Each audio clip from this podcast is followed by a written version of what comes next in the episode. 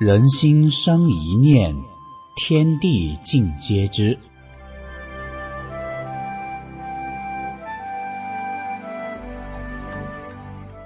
听众朋友，您好，欢迎收听明慧广播《善恶一念间》节目。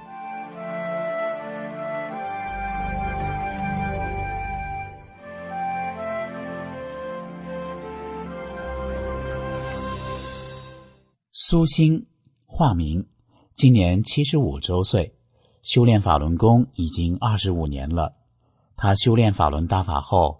努力按真善忍的标准做好人，身心发生了巨变，家人、同事、邻里都从苏心的身上看到了法轮大法的美好。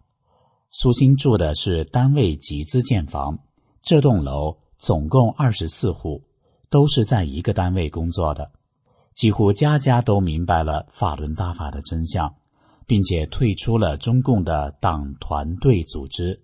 也就是做了三退，因此他们都不同程度的得到了福报。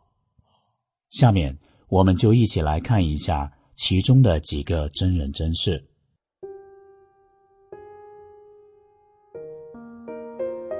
邻居 A 家庭，男的七十多岁，女的六十多岁，退休前和苏欣共事多年，他们一家老小。都认同苏心讲述的法轮大法真相，并且都做了三退。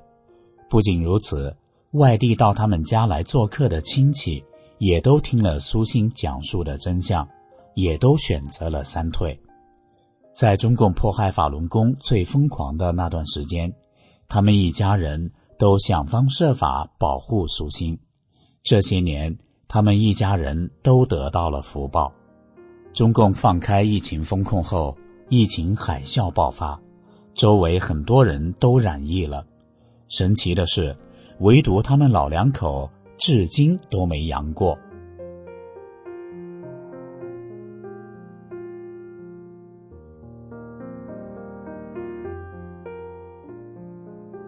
邻居 B 家庭，女的是苏欣当年出题阅卷招进来的。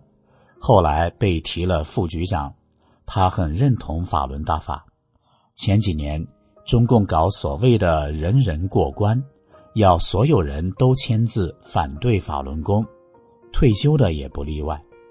这件事刚好是这位女副局长和工会负责人在办，苏欣就告诉他这件事不能做，结果他就以退休职工不好通知为借口拖着。拖到最后，苏欣的单位也没有逼迫苏欣去签那个字。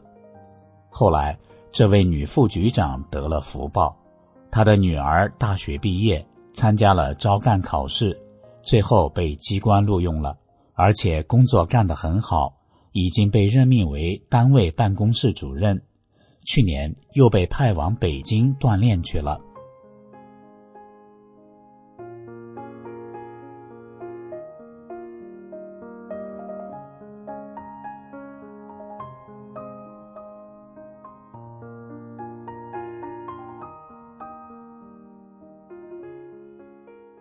邻居 C 今年八十多岁，是个女的。十年前，在她七十岁左右时，他得了钙流失疾病，身体出现了严重缺钙现象，身子一下变矮小了，而且容易摔跤。身体哪个部位只要一触地就骨折，一旦骨折，就要取身体其他部位的骨头来补。有一次。当时医生是把他腿上的骨头给他取下来，补肩膀的骨头。那时苏欣去医院看他，不忍看到他那么痛苦，就告诉他常念法轮大法好，真善人好，并给了他一个真相护身符。自那以后，他把真相护身符珍藏在身上，每天诚心静念法轮大法好，真善人好。结果。他的身体越来越硬朗，现在八十多岁了，体格棒棒的，还在帮孙子一家带重孙子。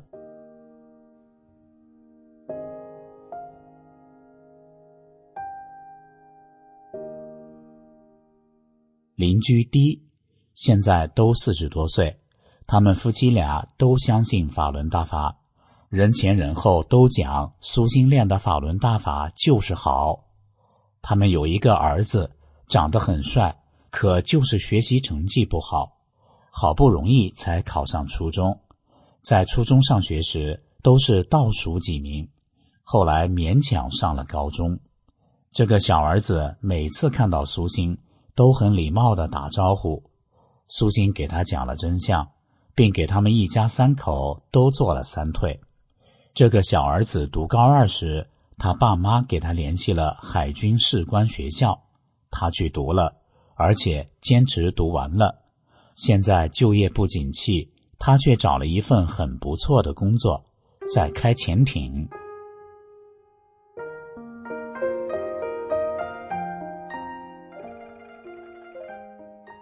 邻居一，夫妻俩有个儿子，读书成绩不太好，读了一个不太好的大专。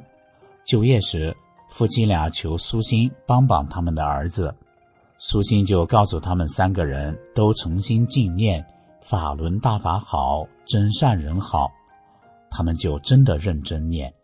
结果，他们的儿子报考公安局，成绩排在前十名，被录取到县城公安局工作。后来市公安局补招，把他招去了。他去市里上班前。苏心一再叮嘱他，在公安上班千万不要参与迫害法轮功。他答应了。他回来探亲时，给他妈说：“我值班时看到有法轮功学员在发真相资料，我就把脸侧到一边，装作没看见。”结果他的善举得到了福报，在市里他找了一个女朋友，是双学士大学教师。而且人非常善良，又很漂亮。后来他们结了婚，他把妻子带回来，苏心就去给他妻子讲真相。他笑着说：“苏婆婆又要救人了。”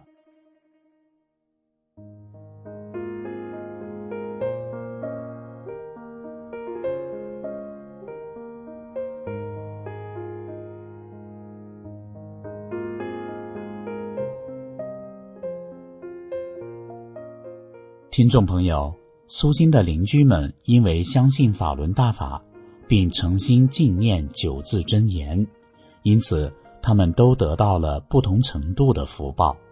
希望您也能诚心念动九字真言，法轮大法好，真善人好。真心祝愿您也能幸福安康。